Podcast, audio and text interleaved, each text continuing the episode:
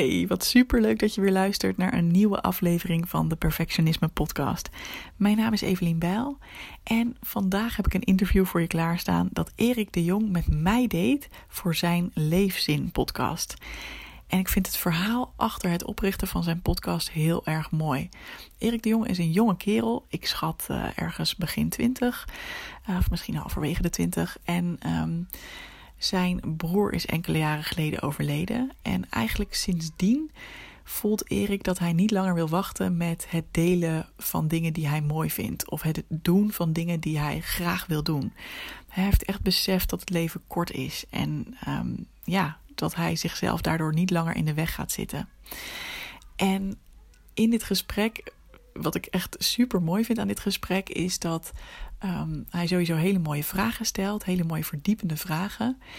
Um, en dat hij ook zelf reageert als ik bijvoorbeeld iets vertel over perfectionisme of hoe ik daar tegenaan ben gelopen.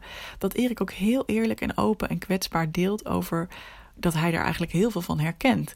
En um, ja, je hoort hem ook af en toe echt een soort van eye-opener hebben. Dat vind ik echt onwijs mooi en onwijs tof dat hij dat ook deelt met zijn luisteraars.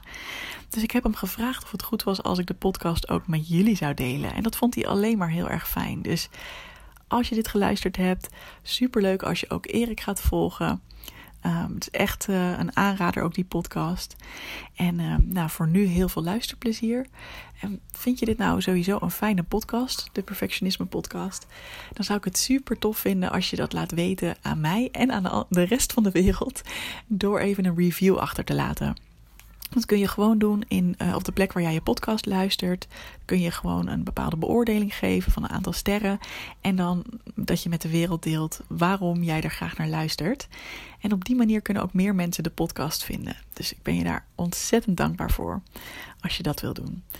Heel veel luisterplezier voor nu en graag tot de volgende keer. Van harte welkom bij een nieuwe aflevering van de Zin in je Leven podcast. In deze podcast spreek ik elke week een inspirerende gast over het onderwerp zingeving. We onderzoeken hoe je een betekenisvol leven creëert, zodat je zoveel mogelijk voldoening uit je leven haalt. Deze week te gast Evelien Bell. Evelien is perfectionisme coach. En ze komt voor mij op het juiste moment, want zoals je misschien gemerkt hebt, is het al een tijdje stil geweest bij deze podcast. En dat komt vooral omdat ik te veel hooi op mijn vork had genomen, te veel tegelijkertijd wilde. Een van mijn grootste valkuilen.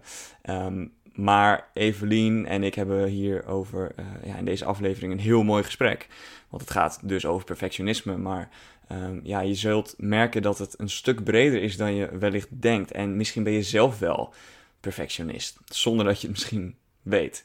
Um, ja, we hebben een hele goede klik, dus er ontstaat echt een prachtig gesprek. En vooral is het super waardevol en ja, er zit zoveel kennis in, in Evelien en in deze afleveringen. We zijn allebei heel openhartig over ons eigen leven. En hoe wij tegen bepaalde dingen aankijken en hoe we tegen dingen omgaan. En ik denk dat het voor iedereen super interessant is. En heel waardevol om toe te passen ook. Um, ja, dat is meteen ook heel belangrijk. Weet je, pas de kennis die je opdoet ook toe.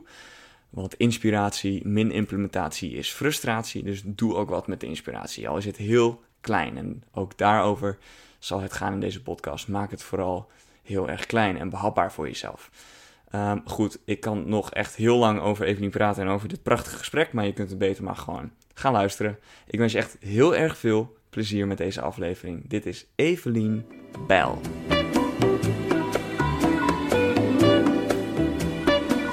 Ja, hi Evelien, van harte welkom bij de Zin in je Leven podcast. Dankjewel. Uh, leuk dat je er bent, uiteindelijk. We hadden, we hadden de afspraak al een, een hele tijd eerder staan. Um, en de luisteraars zal ook gemerkt hebben dat, uh, om er maar meteen mee te beginnen, dat ik al een hele tijd geen podcast meer, heb gepost. En dat ik toch al vanaf het begin af aan heb geroepen dat ik dat elke week zou doen. En nou ja, op een vaste dag. En ik kwam eigenlijk al vrij snel achter dat het een te hoge druk was, gezien, gezien mijn planning en mijn, nou ja, alle dingen die ik, die ik aanpak. Uh, maar goed, het uh, toevallige, of uh, nou ja, ik geloof niet zo in toeval, maar is dat jij, dat jij perfectionisme coach bent. Um, ja, dat heeft denk ik wel raakvlakken met elkaar. Daar komen we straks misschien nog wel even over te spreken. Maar de, de eerste vraag die eigenlijk bij me opkomt: waarom is er zoiets als een perfectionisme coach nodig voor mensen? Ja, nou, ik denk dat het vooral is ontstaan omdat ik hem zelf heel hard nodig had. maar toen was het er nog niet. Of nou, er waren ongetwijfeld coaches die hier ook wat mee deden hoor. Maar ik ben hier zelf heel hard tegen aangelopen. Zonder dat ik echt door had dat het perfectionisme was waar ik last van had. Hmm. Dus ik, eh, ik begon met werken, um, ik moet even terugrekenen, negen jaar terug. Mhm. En uh, in een management traineeship na mijn studie psychologie. En ik dacht eigenlijk, oh leuk, ja, dan ga ik lekker dingen leren. Maar ik verkrampte best wel, omdat ik het zo graag goed wilde doen. En ik wilde me laten zien dat ik me kon ontwikkelen. Want dat werd ook heel, als heel belangrijk gezien. Ik denk dat ook veel jonge mensen dat herkennen. Dat we heel erg het idee hebben van, ik moet mezelf continu ontwikkelen. En ik moet mezelf ja, in die zin ook wel bewijzen. Mm. Ehm, en ik merkte gewoon dat ik daar zo gestrest van werd en zo gejaagd gevoel had vaak. Ehm, maar ik had niet zo goed door wat het, wat het nou was. Ik ging alleen maar harder mijn best doen. Dat was eigenlijk mijn oplossing daarvoor. Gewoon nog iets harder werken, nog iets beter je best doen om goed gevonden te worden door anderen. Mm. Totdat ik doorkreeg, oh wacht, maar dit is wat er aan de hand is. En uh, dus ja, om je vraag te beantwoorden, waarom is het nodig? Ja, als ik gewoon ook kijk naar ja, de doelgroep die ik heb, zijn een beetje gemiddeld mensen zo tussen de 25, 35, hm. soms iets jonger, soms ook wat ouder. Ja, daar zie je gewoon ontzettend dat dit patroon uh, speelt. En niet voor niks hebben er ook bijvoorbeeld heel veel mensen een burn-out of andere stressklachten tegenwoordig. Ja. Het heeft wel echt te maken met streng zijn voor jezelf ook vaak. Hm. Hm. Maar je, je zei net van, ik had eigenlijk niet zo goed door dat ik, uh, dat ik perfectionist was. Of in ieder geval wat is, ja, ik heb ook een bepaald beeld natuurlijk bij, bij een, een perfectionist. Ehm, en, maar ja, wat je net zei over het ervaren van stress of in een burn-out terechtkomen. Um, ik denk dat ik best wel stressgevoelig ben en best wel hard ben voor mezelf soms. Oké, vaak. Mhm. Ehm, en ja, is dat, is dat perfectionisme? Zijn dat kenmerken van perfectionisme? Ja, dus je zegt, je bent gevoelig voor stress en ook mhm. wel hard voor jezelf. Ja, ja, ja hele, hele grote kans dat je dan uh, ja, hard voor jezelf zijn. Dat is sowieso een onderdeel van perfectionisme. Hmm. Hoe ik het eigenlijk uh, nu omschrijf, of misschien is het leuk om te beginnen met het beeld dat ik had. Ik denk dat veel mensen dat beeld hebben van perfectionisme. Ik noem het wel de twee grote misvattingen over perfectionisme. Hmm. En de eerste is eigenlijk dat je het idee hebt van, uh, ja, ik ben helemaal geen perfectionist.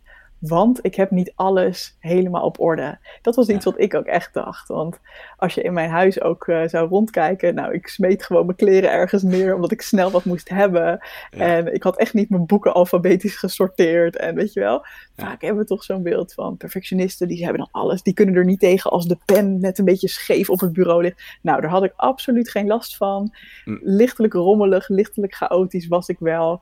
Dus ik dacht, toen ook een collega aan mij vroeg op een gegeven moment van, oh, ben jij niet een beetje perfectionistisch, Evelien? Toen dacht ik echt, nou, dan ken je mij echt niet. Dan moet je maar eens in mijn huis komen kijken. Ja, je, dus dat is eigenlijk nummer één, misvatting. Dat je dan wel, dus... Wel een goede trouwens, want ik heb het zelf bijvoorbeeld, uh, voorbeeldje uit mijn eigen leven, maar um, ik had inderdaad ook altijd het beeld van, als je perfectionistisch bent, zeker toen ik nog op school zat, weet je dan ben je altijd iemand die altijd 9 of 10 uur halen en altijd bezig is met optimaal Terwijl ik best wel zoiets had van, weet je, als ik iets gehaald had, dan vond ik het prima. Dus ik was helemaal niet zo van, ik moet hoge cijfers halen of zo. Maar Juist. In de efficiëntie, weet je wel. Ja, dat is een heel mooi voorbeeld dat je dit geeft. Want mm. ook dat had ik niet. Ik had niet het idee dat ik bijvoorbeeld alles perfect moest doen. Helemaal niet. Nee. Maar wat ik wel heel erg had, en als ik, ik zal zo ook nog de tweede misvatting delen hoor. Wat ik mm. wel heel erg had, was de angst ergens om niet goed genoeg te zijn. De mm. angst om niet te voldoen aan de normen van andere mensen. En daarom ging ik heel erg mijn best doen. ging ik soms mijn grenzen over. En ehm, ja, ik, ik, merk er komt heel veel tegelijk in me op wat ik wil delen. Maar misschien is het leuk om, om nog die tweede misvatting ook even te delen. Mm. Ehm, want ik denk dat ook heel veel mensen wel uh, denken van ja, maar een beetje perfectionisme, dat is toch juist ook eigenlijk wel goed. Ja. Hè, van, uh, ook in sollicitatiegesprekken hoor je dat ook vaak. Hè, dat mensen zeggen, oh ja, dan moet je nu zeggen dat je perfectionistisch bent. Want dan, ja. uh, dan is een werkgever wel, uh, wel tevreden met je. Ja. Maar wat er eigenlijk dan door elkaar gehaald wordt, is um, het hebben van een hoge norm. Hè, dat jij gewoon ergens je best voor wil doen. Hmm. of dat jij betrokken bent. Dat is helemaal goed. Hè, daar is niks mis mee. Hmm. Maar wanneer het perfectionisme is, is echt als het doorslaat naar ongezond gedrag eigenlijk is het een soort van ongezonde manier om om te gaan met die angst dat je niet goed genoeg bent. Ja. En ik zie het eigenlijk vaak in, op twee manieren. Ik ben benieuwd ook op welke manier jij dan meer herkent. Uh, de ene is dus inderdaad je grenzen overgaan. Dus zo je best doen, heel hard gaan, altijd. Ja. ja, ook, ook altijd bijvoorbeeld tegemoet willen komen aan hoe andere mensen dingen willen. En het idee hebben dat je geen nee mag zeggen. Dat, dat kan daar bijvoorbeeld bij horen. En wat je daarvan vaak merkt, is dat mensen heel erg moe worden en heel erg gestrest. Zich altijd opgejaagd voelen. Dus dat is de ene manier. Hm. En het andere dat je ook ziet, en dat lijkt echt het lijnrecht tegenovergestelde, maar hetzelfde patroon zit eronder, is uitstelgedrag. Het is dat je oh, zo graag het goed wil doen, dat je denkt, oh, ik begin er maar niet eens aan. Want ik vind het gewoon zo eng om een fout te maken. Ik schuif deze taak maar voor me uit. Wauw. Is er iets wat jij daarin herkent? Nou ja, bij mij is het sowieso de eerste. Dat weet ik Dat, had ik, dat vermoeden had ik een beetje, ja. ja, ik, nee, precies. Ik neem altijd te veel hooi op mijn vork. En uh, denk dan van, ik moet het maximale uh, eruit halen. En uh, weet je wel, um, ja, het leven is nu. Dus ik moet gewoon elk moment benutten. Het gaat me nooit snel genoeg. Ik ben best wel mm. ongeduldig. Um, dat helpt ik ook. ook mee. ja, dus als ik, als ik iets... Weet je, zoals, nou, de podcast is bijvoorbeeld een mooi veel voorbeeld. Want ik, als ik dan zoiets begin, um, ik was het echt gestart vanuit interesse en gewoon passie. En van, oké, okay, weet je, ik heb er ook expres niks achter gehangen of zo. Geen verdienmodel of grootse plannen. Um, alleen zodra ik begin, dan denk ik na de eerste aflevering eigenlijk van, ja, weet je, dat kan beter, dat kan beter, dat kan beter. En dat moet eigenlijk dan ook, ja, weet je wel, meteen. meteen. Ja. Precies. Um, en toen dacht ik, ja, daar ben ik gewoon ook echt weer met open ogen ingetrapt. Um, maar dat heb ik met meer dingen. Dus uh, ja, dat. Dat denk ik. Uh, ja, oh, dit is ook zo herkenbaar wat je nu zegt van... Um, want wat eigenlijk heel leuk is, er zit dus bij jou een hele kwaliteit onder. Hè? Een kwaliteit die eronder zit is wauw, ik heb enthousiasme, ik heb interesse in dit onderwerp. Ik ga gewoon beginnen met die podcast. En dan is er ook nog eens een keer een kwaliteit in jou dat jij dus heel goed kan zien. hey, dit kan er nog beter, dit kan nog vetter. Het enige wanneer het dan dus. En, en dat is dus wat ik bedoel met je hebt een hoge norm, je ziet goed dingen, je bent waarschijnlijk goed, je reflecteert goed ook op jezelf en op wat je doet, als ik het zo hoor. Mhm. en, maar wanneer het eigenlijk ongezond wordt, tussen aanhalingstekens, is als het doorschiet in, en ik moet dat nu allemaal meteen aanpassen. ja, ja. Ja. ja, 100 procent. Uh, Het is ook mooi om dat dan te merken aan je omgeving. Bij mij bijvoorbeeld mijn vriendin, die is natuurlijk, uh, ja, zeker nu zijn we heel veel bij elkaar. En um, ja, mijn vriendin heeft, is, is veel meer, uh, ja, misschien wel zelfs van de, andere, van de andere kant, wat je net noemde, van voorbeeld 2, van het uh, wat meer uitstellen en, uh, en het dan eigenlijk ook wel heel goed willen doen. Um, ja, die zegt dan ook van, ja jeetje, ben je moet je kijken wat je allemaal doet, joh. En dan, weet je, dat zie ik helemaal niet meer op een gegeven moment. En dan, ja, dat is wel mooi, maar ik ben inderdaad heel veel bezig met reflectie en met, met jezelf ja, verbeteren waar mogelijk. En ja, dat vind ik ook heel leuk om te doen. Maar um, ja, dat, dat, dat is wel een hele interessante. Maar hoe zit het met het, met, uh, het voorbeeld 2 wat je net noemde van de mensen die eerder geneigd zijn om dan te gaan uitstellen? Want ik denk niet dat veel mensen dat onder perfectionisme zouden scharen. Ja, ik heb het ook uitstelperfectionisme genoemd. Ik denk ook ah. niet per se dat misschien iedereen die uitstelgedrag vertoont last heeft van perfectionisme. Maar de, het kan dus wel zo zijn dat je perfectionistisch bent en juist daarom gaat uitstellen. En wat ik heel interessant vind is ook, het, dit kan ook bij dezelfde mensen gebeuren. Dus dat je enerzijds soms je grenzen overgaat omdat je het uh, zo goed wil doen. En dat je anderzijds bij bepaalde dingen uh, blijft hangen. Dus soms zie ik echt dat mensen heel duidelijk het soort van type 1 of type 2 zijn. En soms is het ook een soort van mix van beide. Uh, en ik merkte zelf, ik ben zelf van, uh, ja, van oorsprong meer een type 1, zeg maar. Meer uh, mijn grenzen overgaan. Ja. nu echt totaal niet meer. Maar dat is een ander verhaal. Um, maar wat ik, wanneer ik dit had, dat uitstellen, is als voor mij iets te groot was, te onduidelijk was of te vaag was. En dat ik dan geen hulp durfde in te schakelen. Of ik durfde het niet nog een keer te vragen van ja, hoe zit dit eigenlijk precies? Wat wordt er eigenlijk precies van mij verwacht? Want ik had zo'n aanname dat ik dat allemaal maar meteen moest weten. En dat het ook niet heel intelligent over zou komen als ik dan nog een keer een vraag zou stellen erover. Um, dus pas toen ik, dus iets wat mij daar heel erg bij geholpen heeft, is meteen als ik een klus kreeg waarvan ik dacht, hmm, dit is niet helemaal duidelijk, super veel vragen stellen, net zolang tot het wel duidelijk is en totdat ik in mijn hoofd voelde, oh, ik hoef nu alleen dit eerste stapje te zetten. Oké, dat is haalbaar. Want als het zo'n groot iets is in je hoofd, zo'n grote wolk, ja. dan weet je gewoon ook niet waar je moet beginnen. Wauw, ja, dat is dus echt meteen ook weer, doe je daarover, echt weer een eye-opener. Want um, ja, nu je dat zo zegt, weet je, dat, dat herken ik ook wel. Um, want ik zou mezelf, uh, zoals ik net al zei, echt heel duidelijk onder optie 1 scharen. Maar als je dan begint over, als iets te vaag is of ehm, ik noem even een voorbeeldje als met werk bijvoorbeeld een bepaalde als we iets nieuws aan het opzetten zijn en het is allemaal nog te vaag, dan vind ik het veel lastiger om inderdaad uh, dezelfde hoeveelheid gas te geven en om, mm. het meteen neer te zetten en dan ga je het gewoon wegschuiven en dan ga ik gewoon eerst dingen doen die ik lekker kan afstrepen of aftikken. Ja, wow. Oh, mag ik hier nog een tip over geven? Want ja. echt, ik was op een gegeven moment ook zo blij toen ik hier gewoon een workflow voor had ontwikkeld vanuit mezelf. Mhm. En het klinkt echt te simpel voor woorden, maar wat ik op een gegeven moment gewoon deed, is dat ik van tevoren, voordat ik aan zo'n vage klus uh, zou gaan beginnen, en dat is inderdaad vaak bij nieuwe dingen, hè, nieuwe dingen opzetten, of uh, hè, dat zijn soms hele leuke dingen, maar soms ook nog een beetje onduidelijk. Want het is niet een taakje van, oh ja, dit is hoe dat werkt en ik weet het al, want ik heb het al gedaan.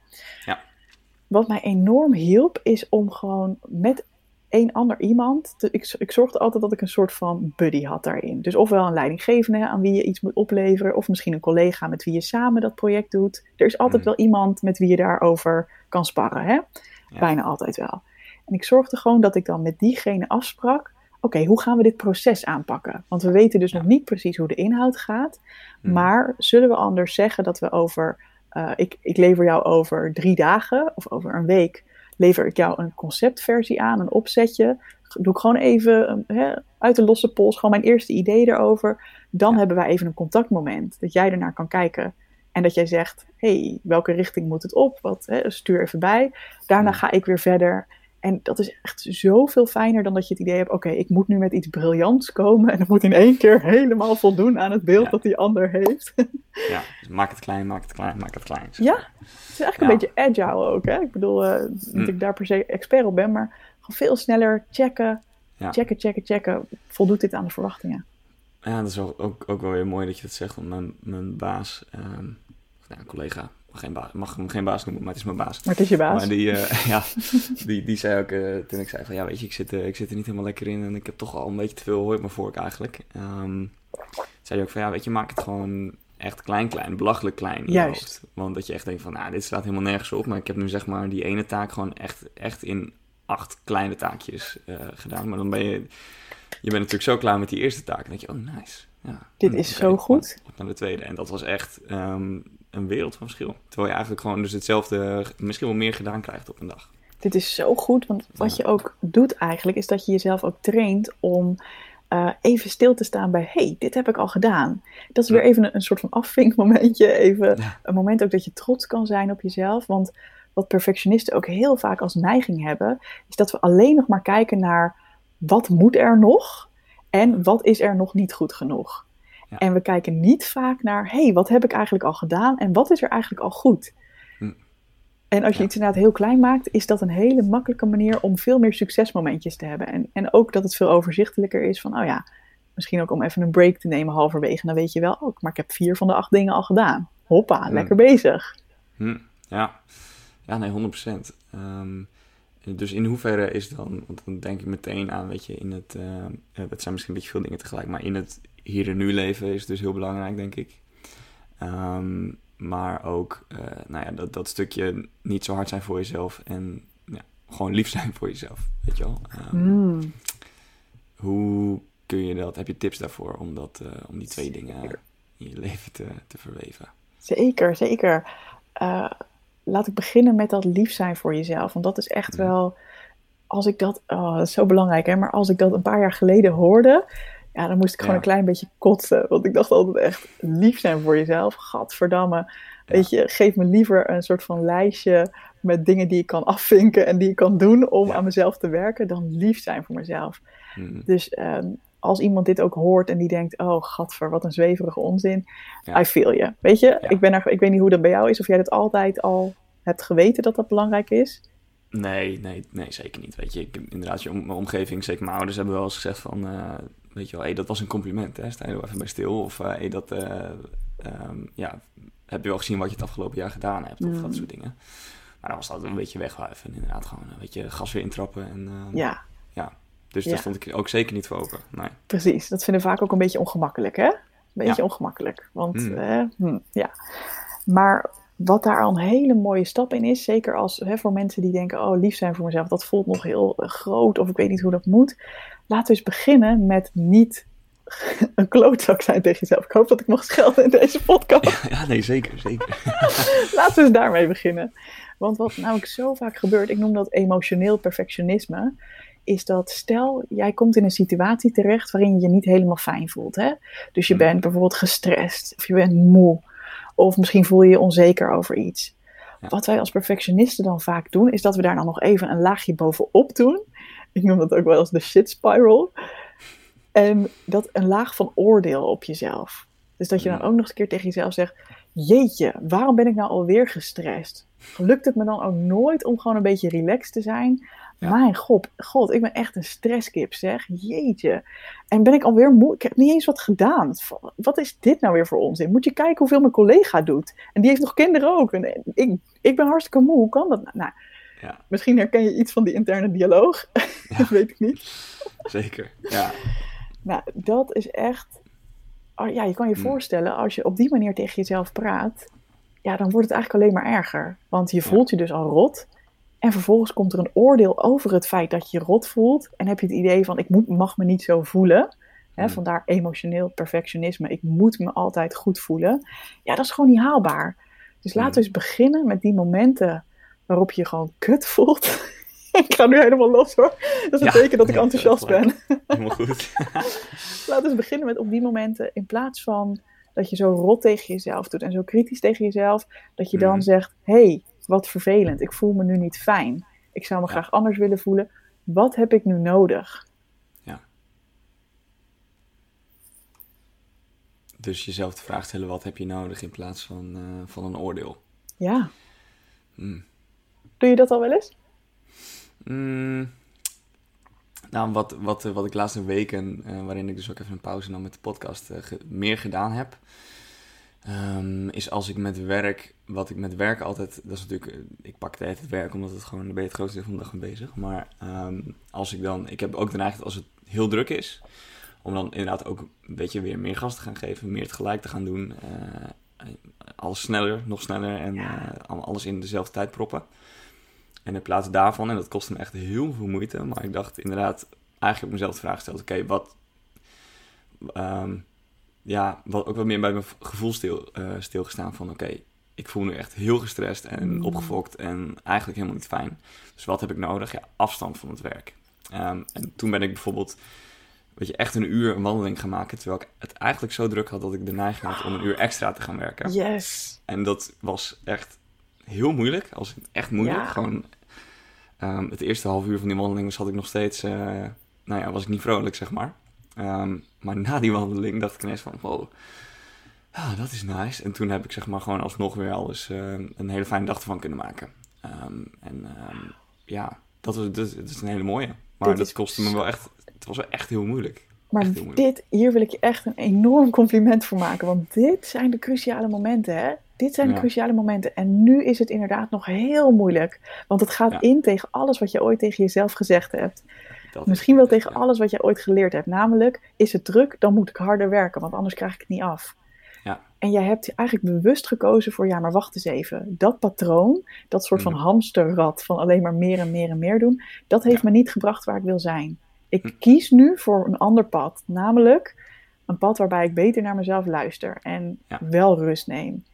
En doordat je dat doet, hoe moeilijk het ook is, merk je Hmm. inderdaad van, oh wauw, daarna he- hebben je hersenen ook gewoon letterlijk meer ruimte om weer Ja. creatief te kunnen zijn, om weer na te kunnen denken. Dus het is niet alleen voor je lichaam goed en voor je geest en voor je welzijn, het is ook daadwerkelijk voor je productiviteit beter. Ja. En ik, ik hoop echt heel erg, dit is zo'n hele mooie succeservaring, misschien wel een van de eerste die zo groot zijn. Mhm. Ik hoop, ik gun je heel erg dat, dat je dat vaker dan gaat doen, omdat je denkt, hé, hey, Ja. dit was echt super positief en eh, dit gaan we vaker doen.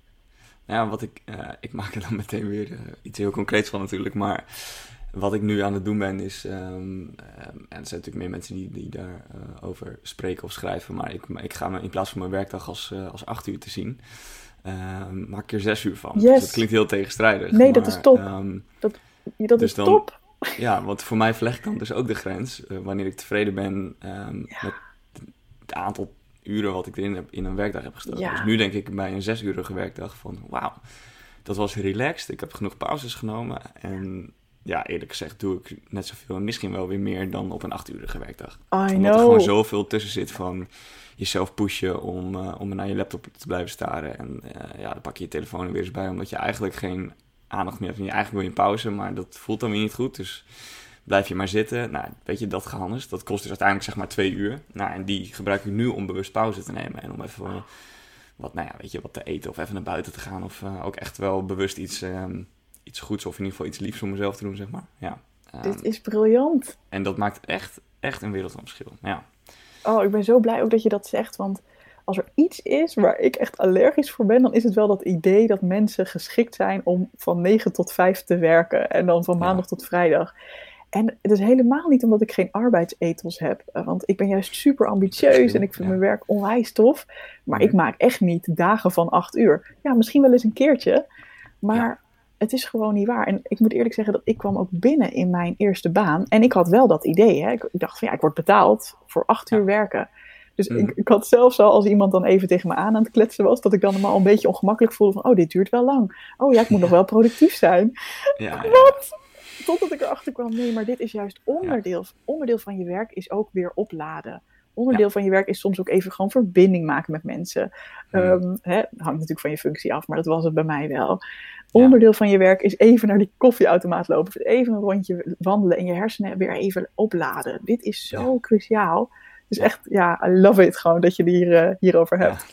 Ja, nice. Ja, nou ja, kijk, ehm, het is natuurlijk inderdaad zo, want ehm, ja, dat heb ik bijna in elke podcast-aflevering is het tot nu toe teruggekomen. Maar je moet vaak wel ergens tegenaan lopen om, eh, nou ja, om ergens mee aan de slag te gaan. Of om, eh, weet je, op een gegeven moment gaat het wrijven, wringen en, eh, of pijn doen. En denk je van, oké, shit, hier moet ik iets mee. Zeg maar dat moment. En dat had jij natuurlijk zelf ook.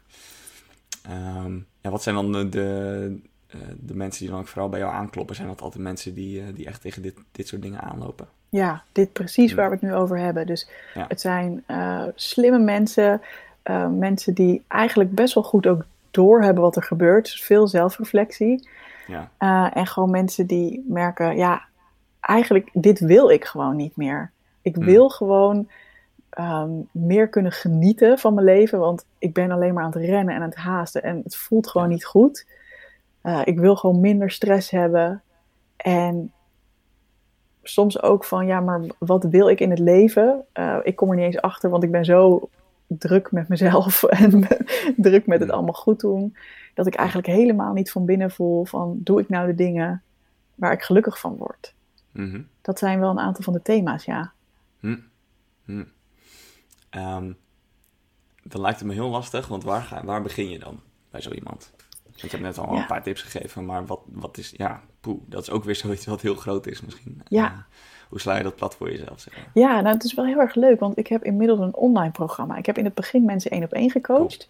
En ehm, doordat ik daar op een gegeven moment heel veel ervaring mee had en steeds zag van, oh, ook al zijn mensen hun individuele vragen of situaties misschien net anders, er zit heel Mhm. vaak wel dezelfde patronen onder, want het zijn allemaal dus perfectionisten. Allemaal Ja. mensen die dit patroon hebben vanuit de angst om niet goed genoeg te zijn. Dus mijn programma heb ik ook goed genoeg genoemd, omdat ik dat zo mooi vind Ja. aansluiten hierbij. Ehm, en wat ik heel erg tof vond aan het maken van het online programma, en ik heb het laatst ook een update gegeven, is dat het je dwingt om heel goed na te denken over deze vraag die jij me nu stelt. Namelijk, Hm. waar begin je met mensen? Je wil dus dat ze van die gestreste, gejaagde, niet helemaal happy staat, dat ze uiteindelijk komen bij gewoon veel meer zichzelf zijn, veel rustiger, veel relaxter, veel gelukkiger. Ja. En ehm, hoe, hoe doe je dat? En eigenlijk is stap 1 altijd om ruimte te gaan maken. Dus precies waar we het net over hadden. Als jij nu in een staat zit van doorknallen en je weet van voor al bijna niet meer dat je van achter leeft, Hm. ehm, en je neemt gewoon niet voldoende rust en ruimte voor jezelf, dan kun je ook niet een verandering gaan maken. Dan kun je Ja. niet aan je mindset gaan werken, want dan zit je hoofd al vol. Hm. Dus de eerste stap is altijd, waar kun jij een beetje ruimte maken? En Ja. al is dat maar dat jij pauzes gaat nemen op je werkdag, in plaats van dat je maar doorknalt. Al is het Mhm. maar dat je, weet je wel, één keer per dag een kwartiertje neemt. Voor sommige mensen is dat al een hele grote eerste stap. Ja. Heel goed, begin daarmee. En Ja. voel eens wat het met je doet als je jezelf wel gunt om rust te nemen. ja. When you don't know what to do, do nothing. Ja, Zeg maar, ja, dat, dat probeer ik mezelf nu altijd in te prenten als ik denk van oké, weet je, ik heb geen idee wat ik nu moet of mijn hoofd is echt helemaal vol en het is een grote cloudy, uh, cloudy uh, bedoeling. En ik zie gewoon niet meer zo goed waar ik naartoe moet, zeg maar.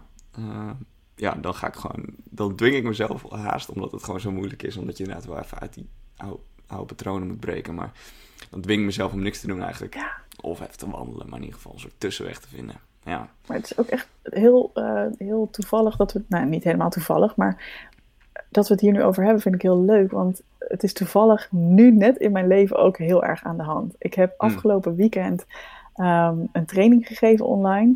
En ja. er zijn 40 nieuwe mensen die ineens meedoen aan mijn programma. fantastisch is. Thanks, thanks. Dat is onwijs tof. Ik bedoel, uh, het hoogste aantal hiervoor dat er in één keer instroomde was 18. Dus toen we al daarheen gingen, dacht ik, wow, dit is heel tof. En toen gingen we er ja. gewoon even dik teken overheen. Dat was echt ja. heel erg leuk.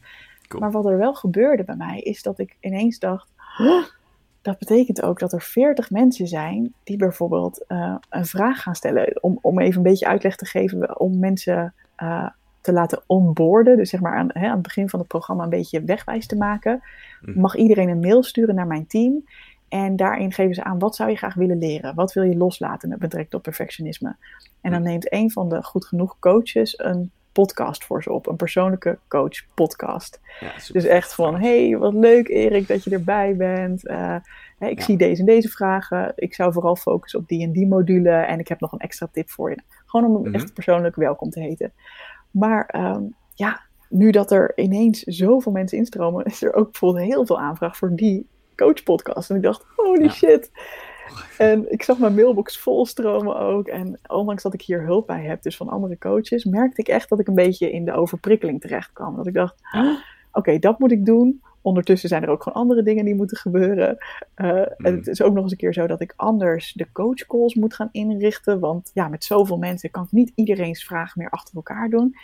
Nee. Um, en wat ik heel fijn vond voor het eerst van mijn leven om te merken, is dat in plaats van dat ik dus maar keihard ging werken en om het allemaal maar weg te werken en, en die stress te voelen, dat ik echt heel duidelijk voelde: oké, okay, er is nu heel veel werk.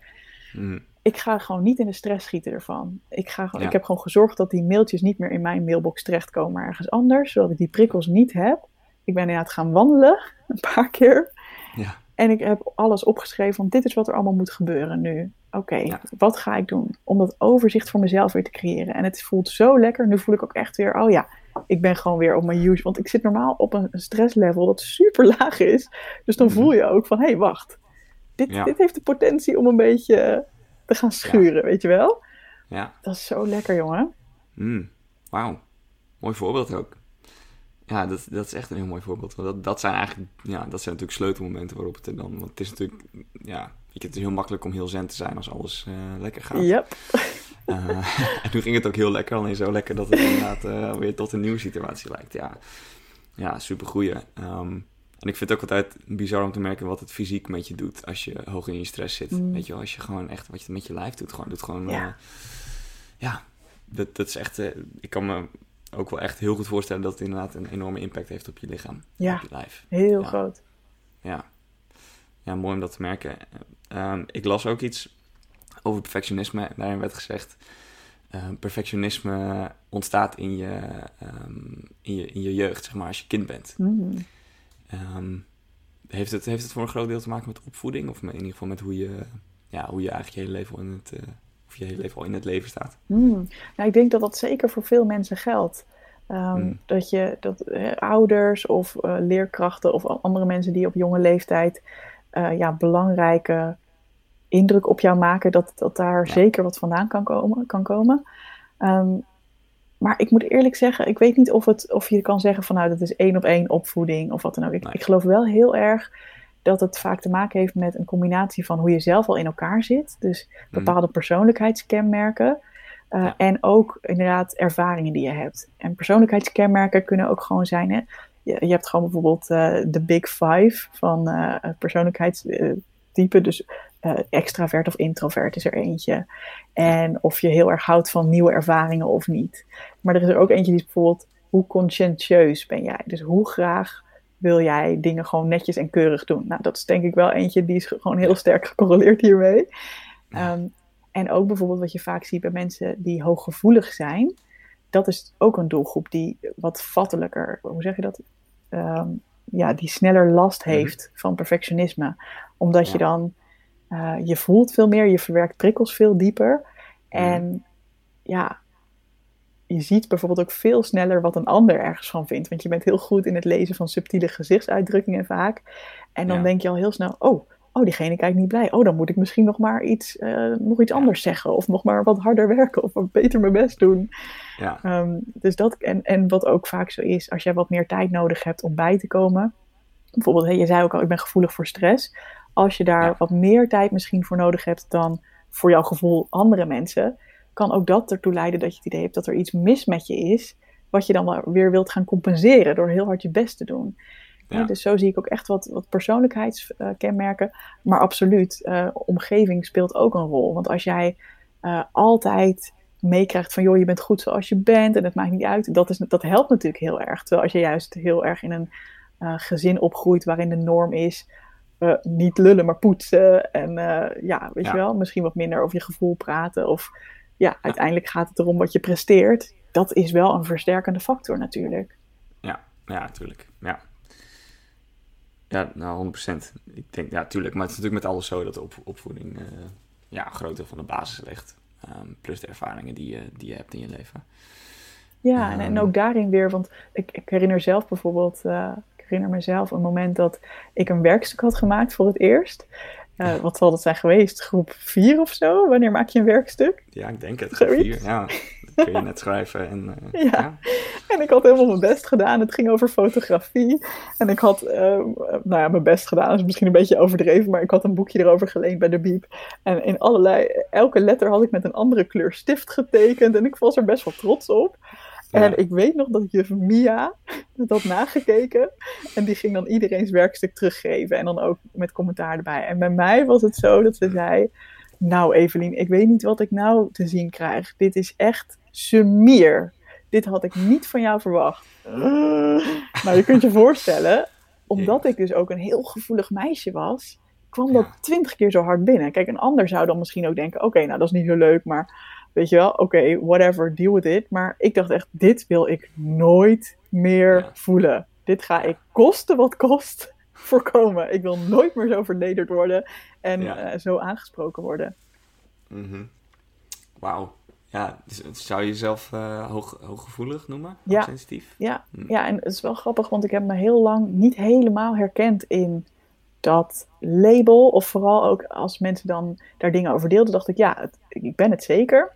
Mhm. Want bijvoorbeeld, ik vind het ook heel onprettig om eh, ja, harde geluiden te horen waar ik niet blij van word. Dus ik hou bijvoorbeeld wel van een feestje met muziek waar ik, wat ik helemaal gezellig vind. Dan maakt het me niet uit. Maar als ik eh, buren hoor schreeuwen of zo, dan nou, word ik helemaal lijp, weet je wel. Ja, Of ja, als ja, iemand hele harde muziek draait, denk ik, oh, dit wil ik niet. Ehm, dus, dus in dat soort dingen herkende ik me wel. Maar ik vind ook vaak dat als je dingen leest over hooggevoeligheid, het is ook altijd wel een beetje dat je denkt, pff, heel zwaar en heel, oh, wat ben ik zielig. En zo voel Ja. ik me helemaal niet. Ehm, en waar ik recent achter ben gekomen, en ik ben ook heel benieuwd hoe jij daarin staat. Ehm, je kunt hooggevoelig zijn, maar ook een high sensation seeker. Heb je daar wel eens van gehoord? Ja, ehm, ik sprak eh, voor, voor deze podcast met eh, Patrick van der Wal. Oh, En ja. die, ja, en die, en die heb je volgens mij ook geluisterd inderdaad. En die, eh, nou ja, die, die had het daar ook over inderdaad. En die heeft er ook een boek over geschreven. En hij is ook echt het, het eh, kenmerk van, eh, weet je, hij heeft altijd bij de politie gewerkt en bij het leger. Echt een stoere vent en eh, altijd vooraan. En nou ja, echt een high sens- sensation seeker als in, weet je, als er een, een ernstig ongeluk was, dan stond hij met zijn neus bovenop. Of, nou ja, de meest heftige shit, dan stak hij zijn hand op. Ja. Tegelijkertijd was hij hoogsensitief. Ehm, dus ja, dat, dat is weer een hele bijzondere combinatie die veel mensen niet herkennen of ja, niet weten dat het bestaat überhaupt. Precies, precies. Ja, inderdaad, nu je het zegt, ik heb die podcast ook geluisterd. Dat is echt een aanrader ook voor mensen die eh na deze podcast klaar zijn. En ja, dus dat, eh, je vraag was volgens mij, herken je daarin? Dus ja, en ik ben Ja. dat dus ook allebei. En ik heb pas eigenlijk begin dit jaar ook geleerd van dat tweede. En dat verklaart voor mij ook heel veel. Ik denk, oh ja, enerzijds hou ik heel erg van nieuwe dingen leren, nieuwe Ja. prikkels, nieuwe ervaringen, nieuwe mensen. Maar ik moet ook uitkijken dat ik niet helemaal over mijn grenzen ga. En dan, weet je wel, dan wil ik alleen nog maar onder een dekentje en dan wil ik niemand meer zien. Ja. Ehm, maar in mijn huidige functie is dat, eh, ja, is dat helemaal weg, omdat ik alles helemaal zelf kan bepalen als zelfstandig Hmm. ondernemer. Hoe heb je eigenlijk de switch, eh, en dan grijp ik hem weer even terug, maar hoe heb je de switch gemaakt van, van toen je aan het werk was om, eh, om ondernemer te gaan worden? Want dat is ook best wel, want je merkte, ehm, nou ja, je merkte dat het bij jou met perfectionisme te maken had. Ehm, maar ja, dan, eh, dan, dan is dat ook weer een hele switch om te gaan maken om, eh, om te gaan ondernemen. Dus eh, hoe, hoe heb je dat aangepakt? Zeker. Ja, eigenlijk is dat in twee grote eh, mijlpalen gegaan. En de Mhm. eerste was dat ik überhaupt durfde te beginnen met iets doen naast mijn werk, namelijk met coachen naast mijn werk. Mm, En ja. daar heb ik best wel een hele tijd, wat, wat ik namelijk eh, op een gegeven moment had. Hè, ik vertelde dat ik heel gestrest was in mijn eerste functie. Nou, Mm. dat is niet in één keer allemaal super snel voorbij gegaan. Ik heb er echt wel een aantal jaar over gedaan om door te hebben. Ja. Ah, het is dus perfectionisme. Ah, ik moet wat liever voor mezelf zijn. Nou, Mhm. Toen ik dat eenmaal door had, en ik ben bijvoorbeeld ook minder gaan werken, ik ben uiteindelijk vier dagen gaan werken, toen merkte ik, oh, dit is lekker, dit is chill. Dus ik heb daar eerst een paar jaar gewoon lekker zelf van genoten. Mhm. En toen voelde ik op een gegeven moment het kriebelen dat ik dacht, ja, maar ik zie zoveel mensen die hier ook wat aan zouden kunnen hebben. Ik wil heel graag dit ook aan anderen meegeven. Dus nou, uiteindelijk durfde ik de stap te zetten om dat eens uit te gaan proberen. En gewoon eens gesprekjes met mensen te voeren om te kijken, hebben zij hier wat aan? En vind ik het eigenlijk ook wel leuk? Ja. Eh, nou, zeker toen ik een beetje die, de juiste doelgroep te pakken had, toen eh, vond ik dat heel erg tof. Mhm. En eigenlijk Cool. mijn plan was helemaal niet om ondernemer te worden hoor. Mijn plan was gewoon, ik heb lekker mijn steady job bij de NS. Ja. Ja. ik had ook gewoon heel leuk werk. Het was echt uitdagend werk met slimme, Mm. leuke collega's. Ehm, maar eh, nou, ik kan dat wel voor die ene dag in de week, kan ik dit er wel leuk naast doen. Ja. En op een gegeven moment merkte ik dat ik mijn eigen bedrijf zo leuk vond, dat ik wel voelde, hmm, zou ik misschien drie dagen kunnen gaan werken voor NS? En dan heb ik iets meer ruimte om mijn eigen bedrijf uit te bouwen. Nou, Ja. een heel gesprek gehad met mijn manager en het mocht. En echt nog geen twee weken later kreeg ik het bericht dat onze afdeling zou worden opgeheven. Ik zo, oh nee. dit was niet het plan. Wat is dit nou weer? Ja, zo, hoppa. Dus eh, wat, wat heel fijn was, we hadden nog een hele tijd hoor. Dus we hebben nog een tijd salaris gehad. En ook bij NS zijn de voorwaarden supergoed. Dus je krijgt dan ook een hele een, een zakje met geld mee, zeg maar. En nog opleiding. Dus eigenlijk, eh, ik moet eerlijk zeggen, de eerste, de eerste uur of zo was ik helemaal in shock. En vrij snel Ja. daarna dacht ik, oh, dit is ook wel een kans. Dit is Ja. ook wel een kans. Het is ook wel een moment om na te denken over, oké, even, wat wil je echt? Mhm. En ik heb daar nog wel een paar maanden echt over getwijfeld. Want van binnen voelde ik al van ja, ik wil eigenlijk gewoon voor dat bedrijf gaan. Maar mijn verstand, Ja. hè, of, of misschien niet zozeer mijn verstand, maar ja, misschien meer die kritische stem in mij. Die zei van Ja. zoek er nou nog een baan naast voor drie dagen per week. Want het is ook wel heel onzeker, het ondernemersbestaan. Maar Hmm. uiteindelijk voelde ik gewoon van ja, ik, ik heb genoeg geld. Ik had ook goed gespaard en ik heb, had dus nog wat meegekregen. Ik heb genoeg geld om het echt een aantal maanden of misschien zelfs een jaar uit te kunnen zingen. Zelfs al zou ik niks verdien- verdienen. Ik gun mezelf om het te gaan uitproberen. En ehm, een hele mooie vraag die ik daarbij had gekregen van iemand die al zelfstandig coach was, was ook Hmm. van ja, het is ook niet van het gaat mislukken of het gaat lukken. Je kunt ook gewoon zeggen hoeveel tijd wil ik mezelf geven Ja. om dit uit te proberen. Dus bijvoorbeeld tot Ja. welk eh, bedrag op mijn spaarrekening voel ik mij nog Mm. veilig genoeg en comfortabel genoeg eh, Ja. om het te proberen. En dan kun je altijd op dat moment alsnog denken, oké, ik ga solliciteren. Mm. Maar dat is gelukkig nooit nodig geweest. Mm, maar dat is, wel, oh, dat is echt, echt wel een mooi punt. Want dat, is, dat heeft dus ook heel erg te maken met wanneer jij iets als een succes ziet of wanneer, eh, ja, wanneer niet. Mhm. En als dat bij jou natuurlijk, ja, zo, dat is ook wel echt een goeie. Want ik denk dat dat, eh, ehm, dat herken ik zelf ook heel erg. Ja, eh, ja. Ja? Want wie zegt dat, dat iets goed of fout is, weet je wel, ja, dat ben je vaak zelf. Zeker. Ehm, dus dat is denk ik wel een hele goede learning om eruit te pikken. Wauw. Ja, vertel eens, want ehm, wat, wat triggert dat bij jou dan? Nou, het doet mij wel. nou, dus om, bijvoorbeeld met de podcast of met werk, dat je. Ik ben heel erg geneigd, denk ik, om dat ehm, nogal hoog te zetten. Ehm, zo, wanneer is het een succes? En dan is het dus eigenlijk nooit een succes. Juist. En dan eh, haak je. Ik ben altijd bezig geweest in ehm, vanaf. Nou ja, ik ben op een gegeven moment eh, journalistiek gaan studeren. En tijdens journalistiek had ik al zoiets van: ja, weet je, ik wil, ik wil gewoon mijn eigen enthousiasme volgen. Um, en niet eens zozeer van ik wil gaan ondernemen, maar dat was eigenlijk de enige manier om, uh, om daar dan iets mee te doen. Alleen het was voor mij nog pas een succes, niet als ik dat gewoon aan het doen was, wat dus eigenlijk het succes al was. dus als ik dat had ingezien, dat ik, uh, dat ik heel veel dingen meer had uh, doorge, doorgezet. Ehm, maar nu was het bijvoorbeeld zo, een voorbeeldje, ik ben op een gegeven moment een webshop gestart.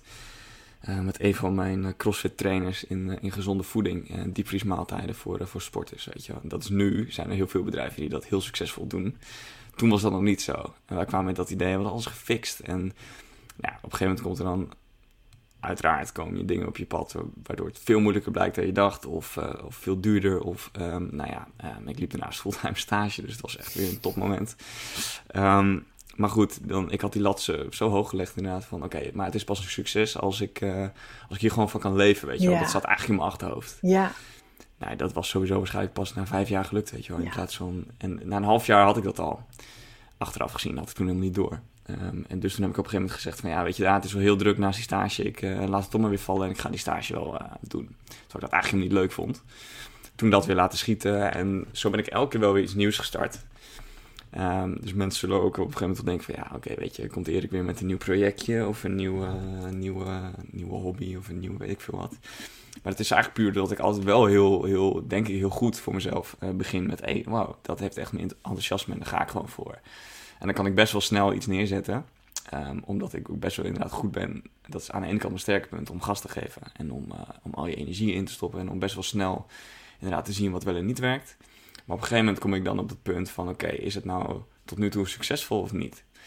En eigenlijk is het antwoord dan altijd bij mij, mm. uh, dat komt door mezelf. Van nou, nee, het is, het is nog niet succesvol, dus heb, ja, laat ik het dan maar. Weet je, dan is het wel heel makkelijk om het op te geven. Laat dan maar. Ja, dus dat heb ik echt wel heel vaak gedaan. Echt heel vaak, denk ik.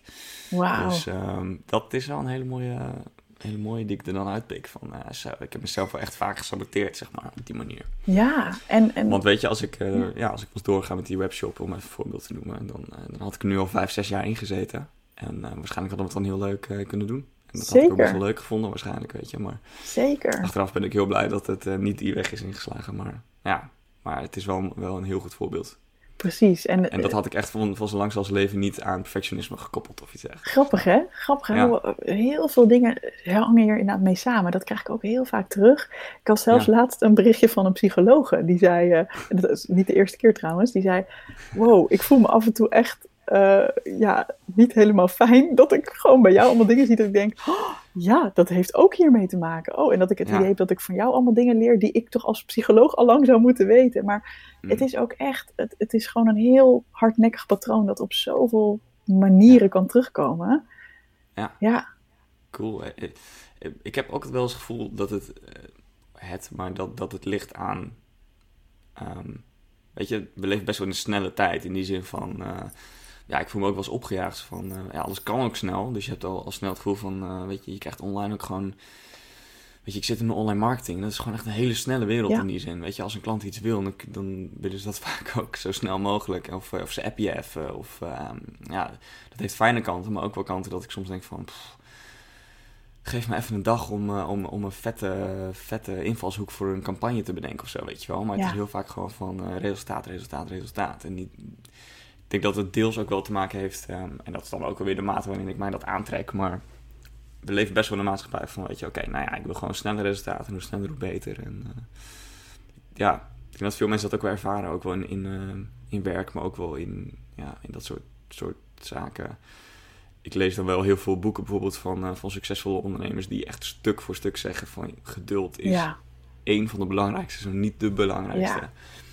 En toch laat ik me altijd weer eh, daarvan af eh, helpen. En, zie, en zie je dat ook je- veel bij mensen die helpt? Oh man, dit is echt. Het is alsof ik al mijn deelnemers hoor praten. Dus ja, absoluut. En ook mezelf, hè?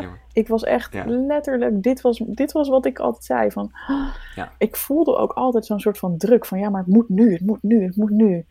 En ja, dat kan ook best even een tijdje duren om die omschakeling te maken. Zeker omdat we inderdaad ook in een maatschappij leven waarin het ook lijkt alsof dat normaal is. Maar ik begin het steeds meer te zien als nee, het is belachelijk hoe wij als maatschappij bezig zijn. Dus Mm, ik ga er ja. gewoon niet in mee, weet je wel. En nu heb ik op dit moment natuurlijk ook echt de luxe, omdat ik mijn bedrijf helemaal kan vormgeven zoals ik het wil. Maar ik ben al begonnen met dat verzet. Toen ik nog wel in loondienst was. En wat ik merkte, is dat heel veel mensen het ook waardeerden. Want ik ben bijvoorbeeld beter geworden in mijn grenzen aangeven.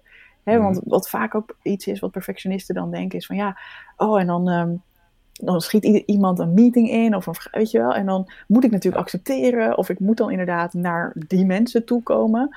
Ja, ik vroeg gewoon heel vaak, joh, is het ook goed als we het een dag later doen? Want dan ben ik toevallig toch al in Utrecht.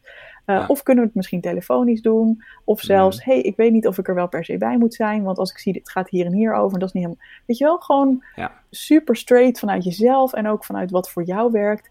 Uh, Met ook elke keer de focus op, joh, waar gaat het uiteindelijk om? Dat we dat resultaat halen. En mm. niet per se omdat het nu, nu, nu moet, weet je wel. Dus heel vaak kan er ook wel meer dan we denken. En als we mensen daar ook in meenemen, ja, bijna iedereen snapt het dan ook wel van, oh ja, nee, dan is het inderdaad misschien handiger om het zo te doen. Dus ehm, ja, ik weet niet waar ik helemaal heen wilde met dit verhaal, maar uh, het is in ieder geval heel herkenbaar wat je zegt. Ja, ja, ja precies. Want ik denk dat voor veel perfectionist, perfectionisten of uh, nou ja, ook mensen die zich misschien niet zo zien, maar inderdaad, ik, ik herken dat ook wel, dat eigenlijk ligt de optie nee zeggen tegen een meeting of tegen een, uh, ligt, eigenlijk is die niet, weet je wel. Dus als je hem krijgt, dan ga je er eigenlijk gewoon voor. Ja, ja dat herken ik ook wel erg. Ja. Dat, je, dat je niet even de tijd neemt van oké, oké, even... Wat is echt het handigste? Wat is hier het beste voor diegene, voor mij en voor het project waar we aan werken?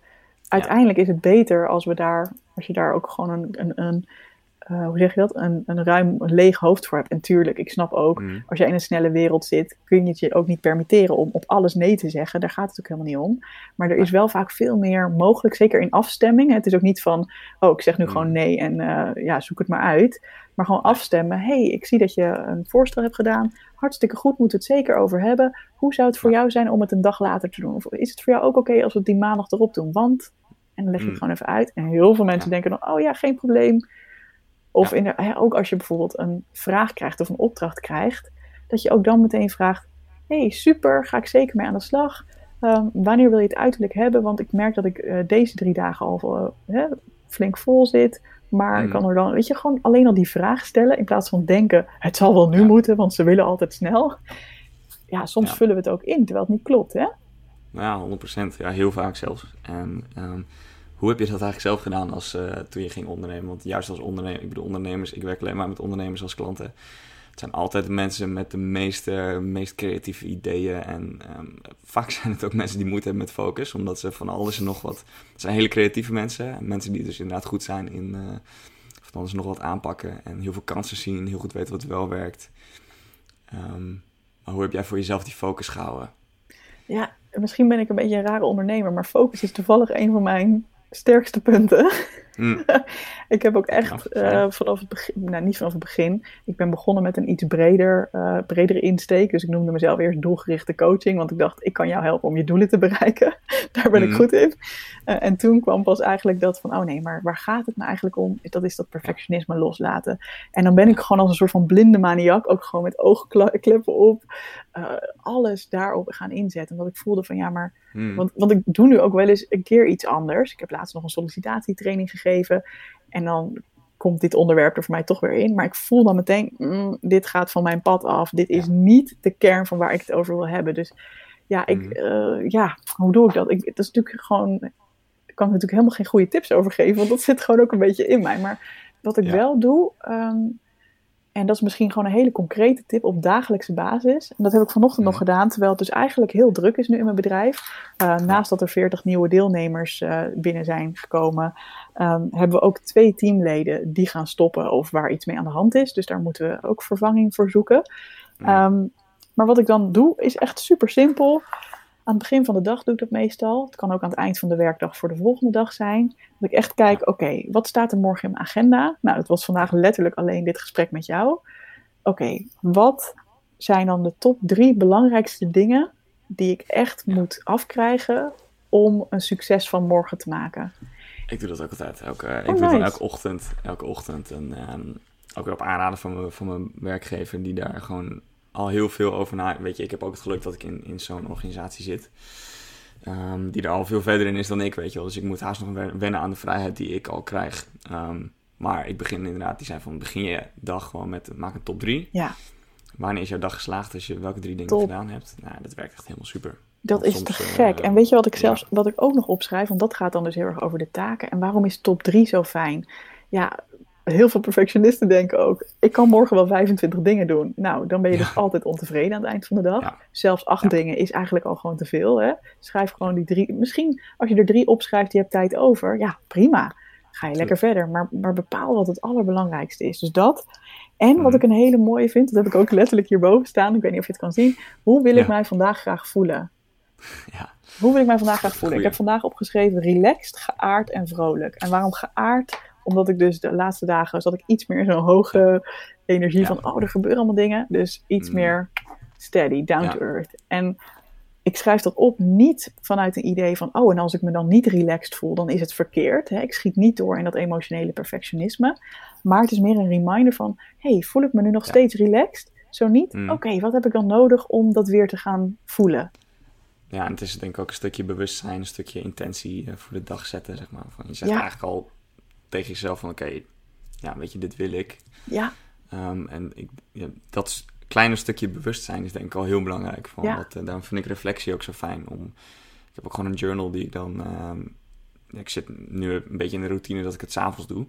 Uh, of s ochtends, sorry. Um, dus dat ik het eigenlijk al doe dan doe ik het over gisteren. Ja. Maar dat, dat je gewoon reflecteert van, oké, ja, wat, wat heb ik nou eigenlijk gedaan? En dat, soms denk ik van, moet ik nou echt dagelijks doen? Want dan, ja, heb ik nou echt iets anders meegemaakt? Maar dan begin ik en dan komt er toch weer iets naar boven dat je dan denkt van, oh ja, daar liep ik eigenlijk best wel tegenaan. Of uh, ik voelde me hier en hier wel uh, op een bepaalde manier. En dan inderdaad, ja, het, het, werkt gewoon echt. Omdat het gewoon een beetje inzicht geeft in jezelf. En ook, um, ja, nou ja, die journal stelt ook bepaalde vragen van... Uh, hoe zou je dit en dit doen? Of, nou ja, wat prikkelende dingen waar je dan over gaat nadenken. En dat, dat is heel simpel, maar het kan gewoon echt al genoeg zijn om, om echt wel super ingrijpende verandering uh, te geven. Oh, absoluut. En ook echt tof dat je dit noemt, want um, dit is ook een van de dingen die voor mij het beste werkt. Maar ik moet ook eerlijk zeggen, ik ben heel vaak, dan gaat het een tijdje wel prima en dan denk je, nou, oh, laat maar even. En dat is ook helemaal niet erg. Hè? Ik bedoel, het is ook weer niet dat we daarin hoeven door te slaan, dat het op een bepaalde manier moet. Maar altijd als ik me dan weer. Want ik had toevallig laatst juist een periode dat ik even niet lekker in mijn vel zat. En dan zegt mijn vriend ook tegen me: Ja, je moet gewoon weer gaan schrijven. Ga nou schrijven. Ja, en dan heb ik er geen zin in, hè? want dan weet je. Oh, en dat kost tijd. En dan ga je het weer extra voelen. Eigenlijk wil je liever soms misschien Netflixen of weet je wel, het even niet voelen. Maar juist die momenten dat je het aangaat, en zeker als je dat een paar dagen achter elkaar doet, dat ruimt zo onwijs op. Hmm. Weet je wat ik ook wel eens doe? Dat is echt, ja, je gaat me misschien uitlachen hoor. Maar ik zie jou nu met een headphone uh, op zitten. Hmm. Wat ik wel eens doe, is dat ik dan mijn headphones opzet en dan uh, mijn dictafoon-app op mijn telefoon aan. Want er zit bij mij ook een speakertje in, zeg maar. En dan ga ik een rondje door het park lopen en dan ga ik tegen mezelf praten. en dat klinkt echt belachelijk, maar dat is zo fijn. Want eigenlijk, ik doe een soort van zelfcoaching. Dus ik, ik, maar het is eigenlijk een soort van dagboek, maar dan in gesproken vorm. Want soms heb ik helemaal geen zin om te schrijven. En dan denk ik gewoon, oké, vertel het maar. En dan doe ik gewoon net als, weet je, als ik mensen tegenkom, alsof ik tegen iemand aan het kletsen ben aan de telefoon. ik heb hem nog nooit gehoord, maar het is echt een goed idee. ja, ken je Ilko de Boer toevallig? Ja, nee, zeker. Sterker nog, man. Ja, ja, ja, die heeft dat uh, wel eens in een podcast genoemd. Toen dacht ik, dat is lekker. Goeie, ja. Het zet ook je gedachten even op een rijtje. Hm. Mooie, hele mooie. Ja, ik, ik wilde net een puntje noemen. Uh, waar ging dat nou ook Oh ja, over het stukje routine van uh, wat voor jezelf gewoon goed. En routine klinkt inderdaad voor veel mensen misschien van, nou, pff, moet ik nou Benauwend ook, hè, kan het klinken. Precies, ja. ja maar um, ik ben net um, ik zit een beetje tussen verhuizing in. Samen, ik ga samenwonen met mijn vriendin. En we hebben ons oude huisje is opgezegd. En het nieuwe huis wordt nog gebouwd. Dus uh, ja, daar kunnen we nog niet in. Maar het oude huis is opgezegd. Dus nu zitten we de komende twee maanden. Uh, woon ik bij mijn schoonouders. En dat gaat trouwens hartstikke goed. Dat is leuk. Maar daar zit ik nu middenin. En, maar ik, ik besefte ineens hoe erg ik in routine leef. En dat heb ik ook heel bewust gecreëerd. Als in ik vind het heerlijk om, om een dag met een bepaalde routine te beginnen, vooral. Uh, en dat was vaak een stukje yoga of meditatie en of uh, een stukje journaling, dus gewoon een stukje reflectie en um, een stukje lezen. Dus ik neem gewoon uh, eh, 20 minuten elke ochtend om te gaan lezen. Want um, ja, vaak kwam ik er s'avonds niet aan toe. Of wilde ik s'avonds nog sporten. Of ik moest het even tussendoor. En dan kwam ik nooit lekker in die flow. Mm. En s ochtends, als mijn vriendin nog ligt te slapen, dan zet ik mijn wekker een uur eerder. Ga ik 20 minuten yoga doen, 20 minuten uh, journal en 20 minuten lezen. Ja, en dat Lekker. was ik helemaal kwijt door die, door die Mm. schakeling van, eh, in, vanuit mijn oude omgeving naar een hele nieuwe omgeving. Natuurlijk is het echt gigantisch wennen, ook voor, voor iedereen natuurlijk, om dan hier weer met z'n allen in één keer te zitten. Ehm, maar het heeft ook wel mooie kanten. Dat is één, je leert elkaar weer een beetje eh, beter kennen en, en op een andere manier. Dus het is ook wel leuk, dat probeer ik er dan ook, eh, ook wel echt uit te halen. Maar op een gegeven moment dacht ik van, oké, ik moet gewoon weer een, een vorm van routine pakken. Ehm, maar niet om de routine, maar gewoon voor selfcare. Ja, gewoon echt Dat is hem dan, hè? een stukje lief zijn Ja. voor jezelf. Dus toen dacht ik van, want ik lag heerlijk te tukken tot, want ik werk nu ook alleen maar thuis. Dus ik dacht van, nou weet je, zet de wekker lekker op acht uur, lekker lang slapen. Kan ook wel eens even wat later naar bed dan, weet je. Heerlijk, Mm. gewoon lekker eh, alle teugels los. Heb ik een hele tijd gedaan. Dat was voor mij ook een soort eh, lief zijn voor Ja, mezelf. want goed. vind ik mezelf nooit. Ja. Ja. Alleen na drie weken of zo dacht ik van, oh, ik ben er helemaal klaar mee. Want ik moet echt shit, ik moet weer tijd voor mezelf gaan eh, inrichten. Want s'avonds zit je, ja, doe ik iets met, eh, met, eh, met de schoonfamilie of met mijn vriendin. Of komt het er gewoon niet van. Dus wekker weer een uur eerder gezet. Gewoon zeven uur. Dan kan je nog steeds echt prima nacht maken. dat is nog steeds luxe, vind ik. Maar om zeven uur opstaan en dan gewoon die, die, die onderdelen doen. Een stukje lichaam, een stukje, een stukje geest en een stukje gewoon lezen. Gewoon boeken die ik heel interessant vind. Helemaal top. En echt na een week ook wederom wereld van verschil. Ja. En ehm, het gaat zoveel beter. Puur door het ene uurtje, eh, Tijd uurtje voor jezelf. dag al. eh, Ja. ja. iedereen ligt nog te Ja. slapen en ik ben gewoon al. Ik sta al met 1-0 voor. Precies, jij begint al met een hele andere vibe. En wat ik ook heel mooi vind aan dit verhaal van jou is niet zo van, oké, de les die we nu geleerd hebben is dat iedereen een uur eerder moet opstaan en deze drie dingen moet doen. Nee, Nee. wat ik hier aan heel mooi vind is de flexibiliteit. Van, hé, hey, het leven overkomt je soms. Hè, je zit Ja. in een andere situatie. Eh, wat ik ook heel mooi vind is dat je zegt, ik heb mezelf juist ook even gegund om die teugels te laten vieren. Want ik vind dat soms ook heerlijk. Oh, nu hoef ik even Mm. niet elke dag in mijn dagboek te schrijven. Haha, lekker. Ik ga gewoon lekker meteen aan het werk. Oké, heerlijk. En soms Ja. voel ik weer, oh, en dat heb jij ook gedaan. Oh, ik voel die behoefte en er is een soort van gebrek aan tijd met mezelf of ref- eh, gebrek aan reflectie. En ik moet Ja. dat echt, ik heb het echt weer nodig om te doen. En het jezelf dan ook Ja. weer gunnen. En dat is top. Mm. Ja, ja. Ja, ik vind het, dat vind ik ook altijd echt een hele mooie. Want ik was gewend om heel veel alleen te zijn, omdat ik gewoon in mijn eentje woonde. En mijn vriendin die, eh, die studeert nog, dus zag ik vooral in het weekend. Ehm, dus ik had heel veel tijd voor mezelf. Dus dan dacht ik juist wel eens van, pff, weet je, ik heb nou alles wel, nou alles wel eh, doorgenomen. Ja. Ik weet het nou wel. En dan ging ik juist weer, eh, had ik zoiets van, oh, ik wil even een beetje gewoon... eh, Aanspraak. Precies, Ja. gewoon een beetje, een beetje eh, juist uit mijn, eh, uit mijn kopie. Maar nu was het echt zo van, eh, ik was alleen maar bezig, of ik werd bezig gehouden in ieder geval, Ja. eh, weet je. Externe prikkels. ehm, precies. Ja. En op een gegeven moment had ik zoiets van, poeh, ik heb, ik heb echt gewoon even die stilte nodig. mooi. Dat vond ik wel, wel heel mooi. Maar ik heb ook wel heel lang gezocht naar wat dan een goede routine is. Zoals in van, wat vind ik nou eigenlijk fijn? Want Ja. ik vind yoga bijvoorbeeld, merkte ik later echt heel relaxed.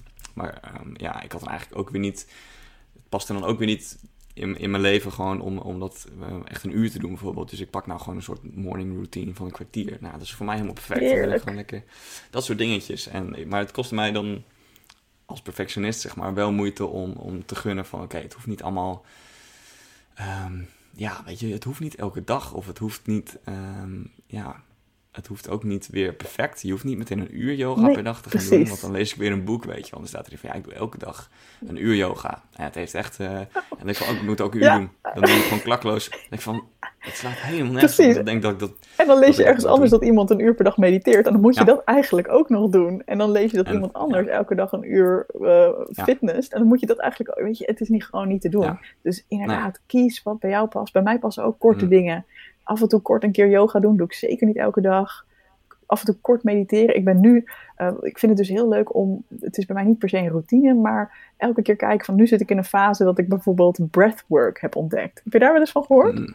Ja, ik, ik volg de Wim Hof methode. Hey, daarin. wat Dus, leuk. eh, ja, Wat leuk. Ja. Ik doe het nu via iemand anders, maar het zal vast Mhm. heel erg vergelijkbaar zijn. Nou, dat heb ik dan letterlijk gisteren voor het eerst gedaan. Dan denk ik, oh, ik vind het helemaal leuk. Dus ik heb het vanochtend gedaan en dan een soort van introductiecursusje gekocht. En dan denk ik, nou, dat ga ik waarschijnlijk dan de komende tijd wat vaker doen.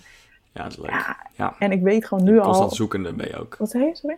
Je bent dus ook constant zoekende Ja, ik zie het eigenlijk als één... kijken wat er... één grote leuke ontdekkingstocht van... hé, hey, waar heb ik nu behoefte aan? Wat, wat zou me nu helpen? En dat vind ik zoveel leuker dan... oké, dit is mijn ideale ochtendroutine... en die moet ik de rest van mijn leven volhouden. Want dat past ook niet bij mij als high sensation seeker. Want ik wil ook nieuwe dingen. Dus zo doe ik dat hmm. eigenlijk.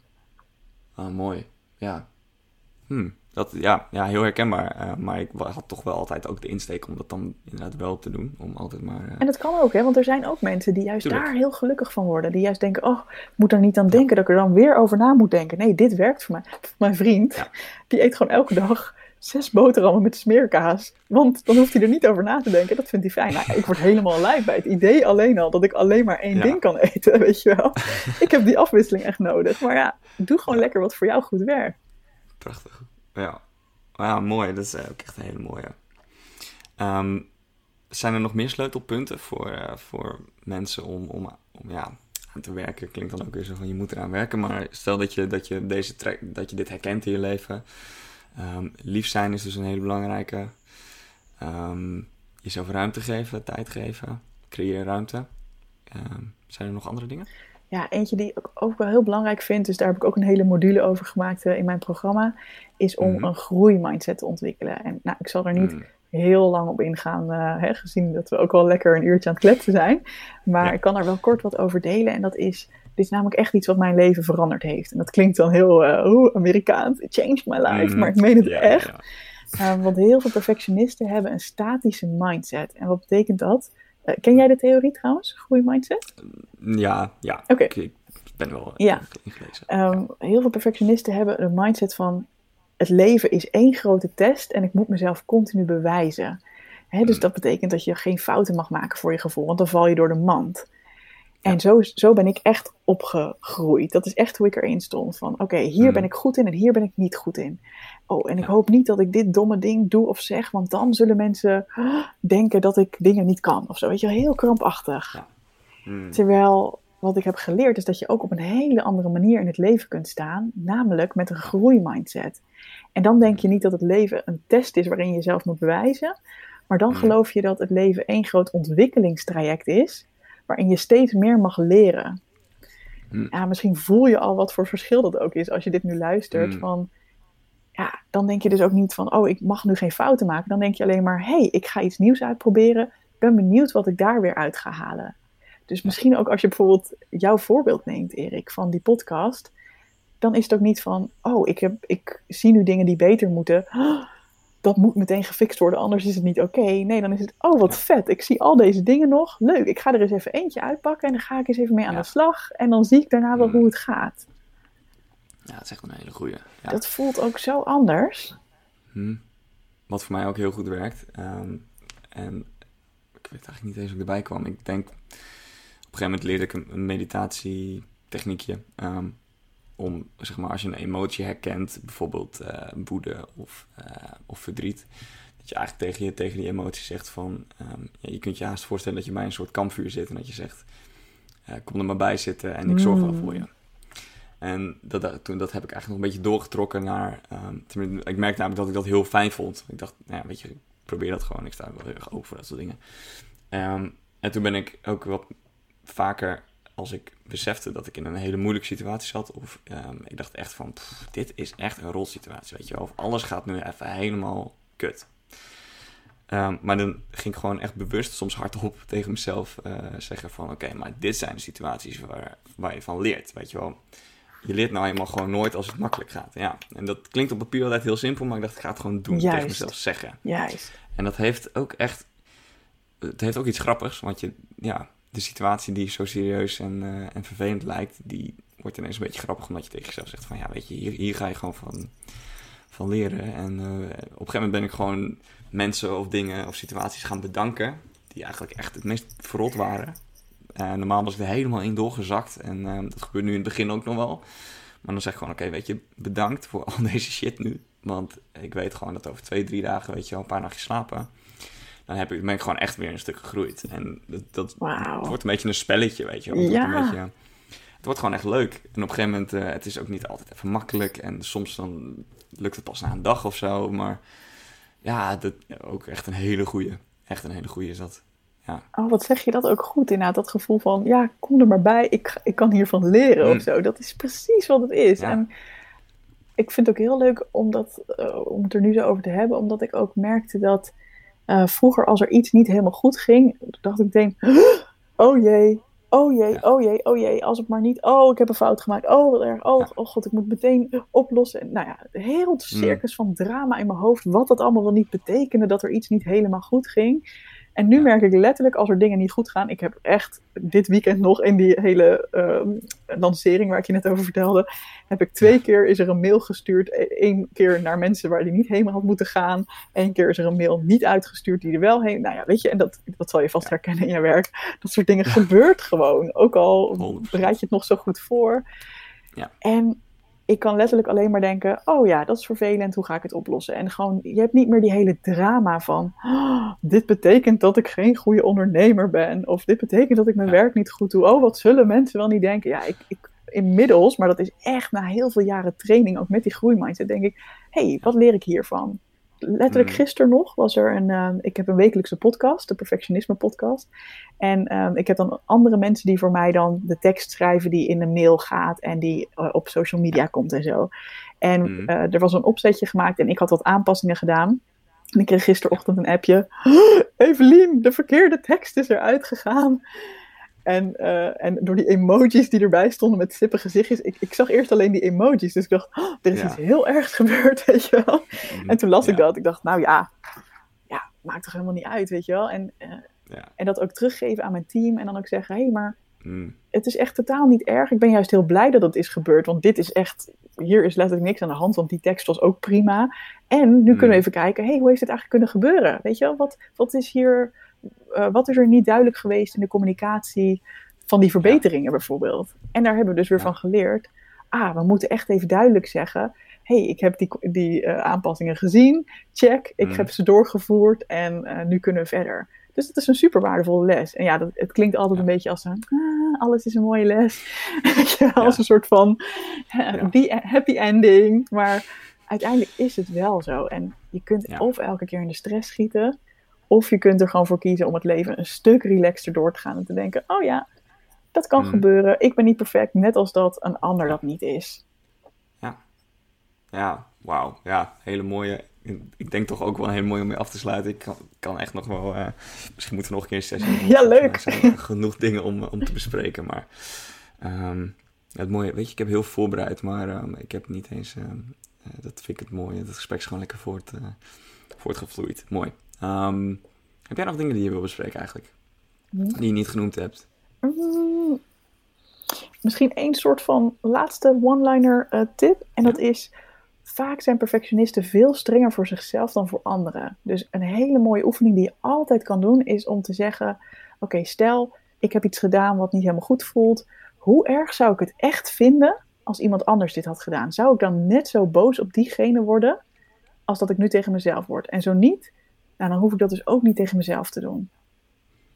Ik denk dat dat wel een eh, mooie afsluiter Ja. is. Hele goeie, hele goeie. Vet, nice. Ehm, ik sluit wel altijd af met twee dezelfde vragen. Ehm, en de ene vraag is, eh, ja, op een gegeven moment kwam ik op het begrip leefzin. Eh, ondertussen weten luisteraars dat misschien wel, maar leefzin is voor mij ja, eigenlijk zingeving en ja, zin in het leven hebben. Ehm, om het gewoon even heel simpel te houden. Ehm, en waar krijg jij nou echt leefzin van? Oeh, die vind ik echt leuk. Ik vind het ook een heel mooi woord. Ehm, het eerste wat in me opkomt is bij hele spontane acties. Bijvoorbeeld vorige week eh, dinsdag belde mijn broertje. ehm, en ik had al een keer geappt van, joh, hij heeft sinds kort een autootje. Ik zei, joh, als je Ja. een keer zin hebt, kom langs en dan gaan we een keer naar het strand of zo. En toen belde hij me letterlijk na dat appje op van, heb je nu tijd? ik kan over een uur bij je zijn. En ik had Ja. gewoon tijd. Want die middag moesten we allebei weer wat voor werk doen. Maar het was dinsdagochtend 11 uur of zo dat hij dan zou komen. Hmm, En dan gewoon dat gaan doen. En op het strand lopen. Lekker met de zon op je gezicht. En met je broertje Ja. van wie je houdt. Goede gesprekken hebben. Ja, Ah, daar, ja daar, daar word ik heel gelukkig van. En ook in de auto Cool. zitten alleen al. Weet je wel? Dat je samen in de auto Ja. zit. Ergens heen gaat. Een beetje kletst. Ja, heel fijn. hmm. Sensation seeker als in... eh, komt er ook wel weer in naar voren Ja. dat je even spontaan, eh, spontaan de deur uit kan. Ja, cool. Zeker. Hmm, mooi. Um, de allerlaatste vraag is: hoe wil je herinnerd worden? Oeh, that's a deep one. Ja, het is. Hmm. Ik wil heel graag herinnerd worden als iemand die heel veel mensen het idee heeft gegeven dat er niks mis met ze is en dat ze niet alleen zijn. En wat ik daarmee bedoel is, ik zeg ook altijd, ehm, als ik bijvoorbeeld trainingen geef van wat ik heel lang heb gedacht, met al deze dingen waar wij het net in de podcast over hadden, dat ik in mijn eentje zo was. Dus dat ik al die onzekerheden alleen had. En dat er eigenlijk iets mis met mij was dat ik mij zo voelde. En dat is echt mijn grotere missie in het leven, denk ik wel. Om uh, te laten weten van, joh, er is niks mis met jou. Er staan inmiddels 15.000 mensen hebben op een punt op mijn e-maillijst ingeschreven gestaan. Dus dat zegt wel iets over hoeveel mensen dit soort thema's herkennen. Dus je bent niet gek, je bent niet alleen. En ik hoop echt dat ik dat aan mensen kan meegeven. En dat er verandering mogelijk is. Ik hoop ook dat ik zo herinnerd word. Dat ik een soort van hoop heb kunnen geven van... hé, hey, het kan ook echt anders. Prachtig. Nice.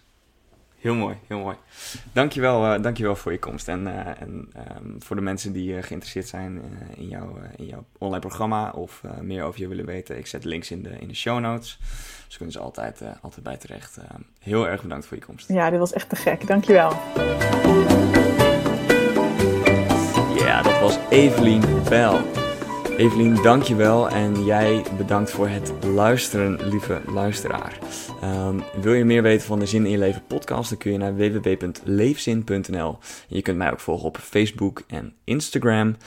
Um, ja, laat ook weten wat je vond van de aflevering en wat je vindt van de podcast. Feedback is echt meer dan welkom. Um, heb je nog tips voor inspirerende gasten? Let me know. Je kunt ook nog op mijn website een gratis e-book downloaden, waar, uh, waar je drie um, ja, uitgebreide interviews vindt met mensen die op hun eigen manier iets met zingeving te maken hebben, die ik heb geïnterviewd. En daarin verweven zit mijn eigen verhaal. En ja, tot nu toe heb ik super goede reacties hierop gekregen. Het is dus geheel gratis. En ik denk dat heel veel mensen er iets aan kunnen hebben. Um, dus mocht je het interessant vinden, check dan even www.leefzin.nl. Uh, voor nu zie ik je gewoon heel graag de volgende aflevering weer. Dankjewel voor het luisteren. Hey, vond je deze podcast te gek? Check dan zeker even mijn online programma Goed Genoeg, speciaal voor perfectionisten. Want heel eerlijk, in je eentje kun je ook een heel eind komen met het loslaten van je perfectionisme. Maar als je meedoet aan dit programma, heb je alle tools in handen om veel sneller deze ontwikkeling door te maken. Ga naar doelgerichtecoaching.nl/slash goed genoeg en wie weet zie ik je binnenkort.